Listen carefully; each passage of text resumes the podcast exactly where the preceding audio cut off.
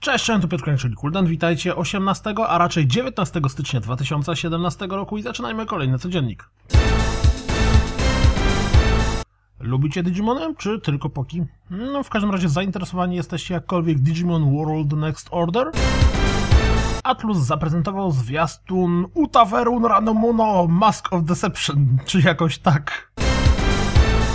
Nioch otrzymał nowy zwiastun, a przy okazji dowiedzieliśmy się, że pojawi się jeszcze jedno demo, czy też trial gry. Z grą będziecie mogli się zapoznać w najbliższy weekend. The Town of Light zmierza również na PlayStation 4 i zachęca nas do zagrania zwiastunem cytującym recenzję.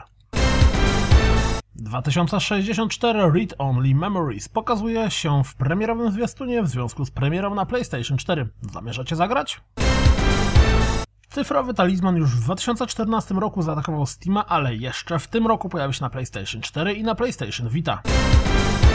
Pojawił się kolejny fragment zwiastunu z fragmentami rozgrywki z The Sexy Brutal. Macie ochotę pozabijać smokia na Skyrima, już nie możecie patrzeć? No to Dark and Light może być grą dla was. Zerknijcie okiem na zwiastun przedstawiający rozgrywkę. Ja wiem, że on tam oswaja smoka, a nie go zabija, ale na bank zabijać też je będzie można. The Calling w zwiastunie pokazuje zawartość nowego patcha do gry, a dodatkowo dowiedzieliśmy się, że tytuł zawita na Xboxa One w pierwszej połowie 2017 roku. Sun Moon, które swój początek ma na Ludum dotrze na Xboxa One 27 stycznia. Gra dostępna jest na PC, PlayStation 4 i Vicie. Mario Sport Superstars będzie dostępny na zachodzie wiosną tego roku. Candleman pojawi się na Xboxie One 1 lutego. Danganronpa Another Episode Ultra Despair Girls będzie dostępny na PlayStation 4 27 czerwca. W związku z zamknięciem Guerrilla Cambridge, Rick's Mechanist Combat League nie dostanie już żadnego nowego DLC.